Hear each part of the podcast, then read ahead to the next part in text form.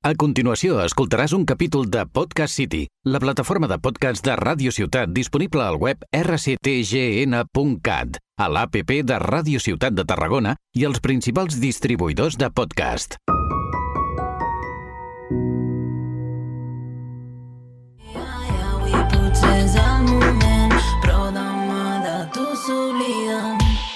Créixer confiant en el demà,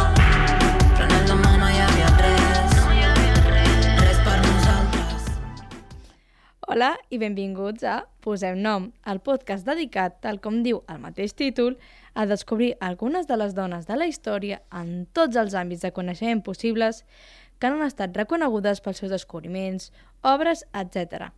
Algunes d'elles no es reconeixen perquè van signar els seus projectes amb el nom dels seus marits. D'altres, els projectes els hi van ser robats. O es van fer famosos perquè homes doncs no li van donar el crèdit o perquè al segle on vivien ni tan sols era possible a la ment de la societat que les dones poguessin fer-ho. Tal com ja sabeu, mitjançant les xarxes socials de arroba posem nom, tant a Instagram com a Twitter, us dono algunes pistes sobre quina serà la següent protagonista. Perdó, eh, moment de promoció o spam. Ara sí, espero que hagueu pogut endevinar la protagonista del dia d'avui. Pels que no les heu pogut llegir, us les repeteixo i així us poseu una miqueta en context. La dona d'avui està situada una altra vegada, cronològicament a l'edat antiga. Però, tranquils, ja hem deixat enrere per fi la Grècia antiga, tot i que tornarem de forma excepcional per parlar d'Hipàtia, la nostra gran amiga. Ara, tornant als que ens interessa avui, us dic l'altra pista, i és que aquesta, la nostra protagonista, està relacionada amb la guerra. Doncs bé, dit això, us presento a la nostra protagonista, Boudica.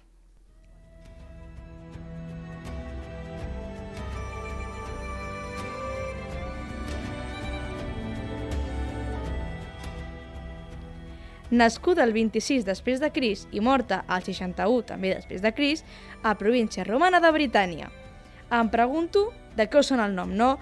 Sí, Britània, britànic... Efectivament, el Regne Unit, actualment.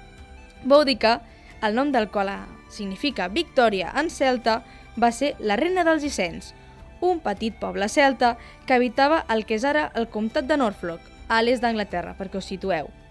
Ella és coneguda per ser una de les caps de la resistència celta en contra de l'imperi romà, que en aquell moment estava regnat per emperador Neró.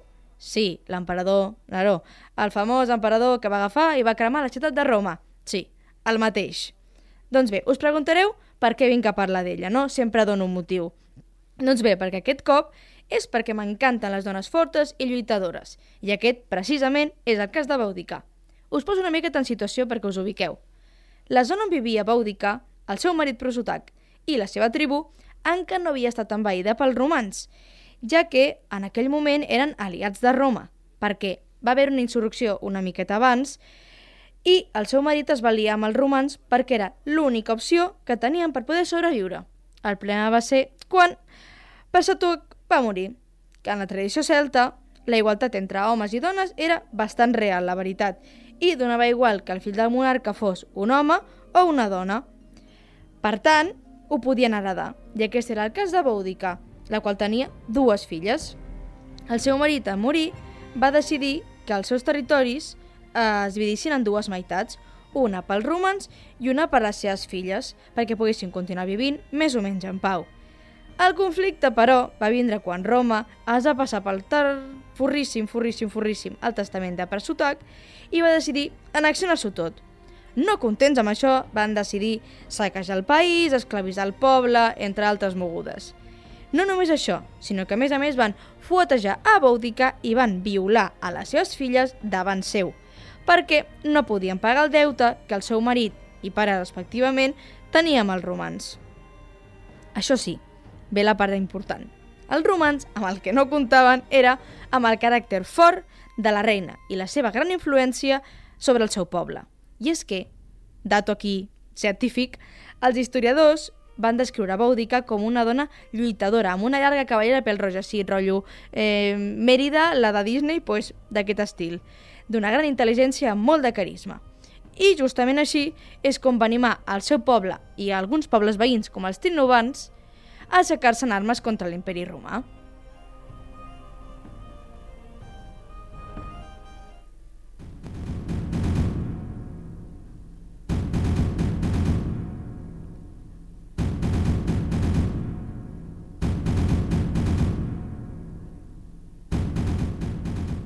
I així ho van fer. Van arrasar, saquejar i destruir fins a les cendres la principal colònia romana de la zona anomenada Camulodonum, l'actual Colchester, al comtat d'Essex.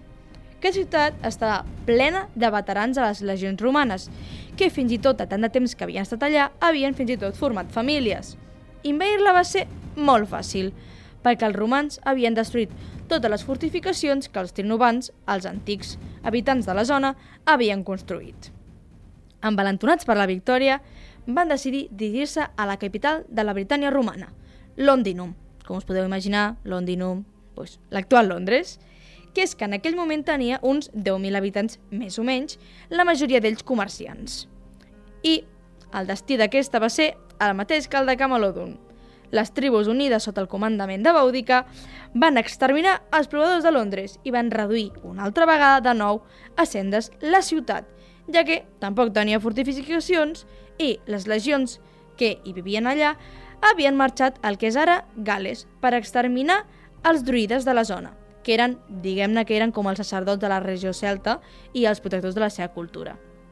Les tribus, però, no contentes amb això, van decidir anar assentament assentament arrasant a tots els romans que fossin possible i per poder-los fora de forma definitiva, sent l'últim assentament aniquilat que sapiguem era Berlanium, l'actual St. Albans.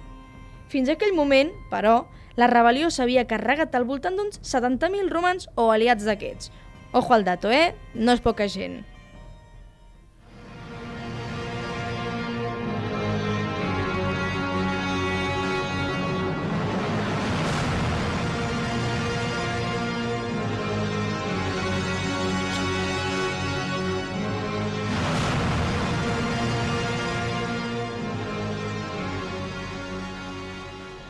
Però, com us podeu imaginar, la cosa no va acabar al final. Tant destruir ciutat per ciutat va donar temps als romans a pensar-se molt bé el seu cop final. Els romans van reunir tots els homes que van poder, molts menys que els que participaven en la rebel·lió de Boudica, però molt més ben organitzats i en un lloc molt favorable per ells, un bosc, on els famosos carros de batalla dels celtes no es podien utilitzar. A més a més, els romans van actuar amb una formació tancada, plena de llances, sobre els celtes. Les tribus van retrocir davant d'aquest gran atac amb les llances i van començar a fugir, però el que passa és que es van trobar amb el seu propi tren de subministres, que havien col·locat a la rereguarda amb les famílies dels combatents. Degut a això, no es van poder escapar i la fugida va ser una completa massacre. Aquesta situació va permetre que els romans donessin de la seva pròpia medicina als rebels. Van aniquilar el gran exèrcit de Bòdica, assassinant a homes, dones i nens sense cap tipus de pietat, els quals eren uns 230.000 rebels només en contra d'uns 11.000 romans, en la batalla que posteriorment han anomenat els experts com Wedling Street, sí, el, seu, el meu superanglès. Després d'aquesta gran derrota, Boudica es va refugiar juntament amb les seves filles als seus territoris. Però la seva mort, que és una cosa molt important, és incerta, ja que alguns historiadors comenten que es va suïcidar amb verí perquè era això, o morir humiliada pels romans. Però altres diuen que simplement va morir degut a les ferides mm, mortals que va rebre en batalla. Com sempre, en els meus programes m'agrada denunciar les parts negatives que envolten les figures de les quals parlo. En aquest cas, és l'utilització de la figura de Boudica en el procés colonial de l'imperi britànic, durant l'època victoriana. No només perquè els seus noms coincideixen, Victòria i Boudica és Victòria en celta, sinó perquè els estudiosos van equiparar a l'ardor guerrer amb la valentia i l'astúcia de Boudica amb doncs, el gran imperi de la reina Victòria, establint aquesta com a la seva successora legítima. Que curiós, no? Que un imperi adopti justament una lluitadora antiimperial com a gran embeble i figura fonamental i rellevant de la seva història, no? Però bueno, ja sabem com són aquests eh, reis. Tan important és la seva figura que fins i tot el marit de la reina Victòria, Albert de Saxònia Coburg-Boza, que els noms mm, llarguets i se queden tranquil·lets, van en, va encarregar i va pagar una estàtua de bronze de Boudica i les seves filles damunt d'un carro de guerra celta que actualment sí es pot observar just davant del famós Big Ben de Londres, al costat del pont de Westminster. Bueno, en resum, Bòdica va ser una reina que es va saber reposar d'un esdeveniment traumàtic tant seu com el de les seves filles i va aconseguir, encara que fos durant un petit període de temps, la llibertat del seu poble. Per avui tanquem el capítol de Bòdica i ara procedim a donar les algunes pistes de la prota del pròxim programa.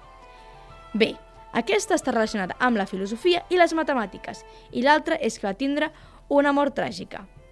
Per si de cas, us recordo que mitjançant les xarxes socials, que és arroba posem nom tant a Instagram com a Twitter, us recordaré aquestes pistes abans de que es publiqui el següent programa. Espero que us hagueu passat bé, que hagueu après moltes coses noves i ens veiem en el pròxim programa. Adeu!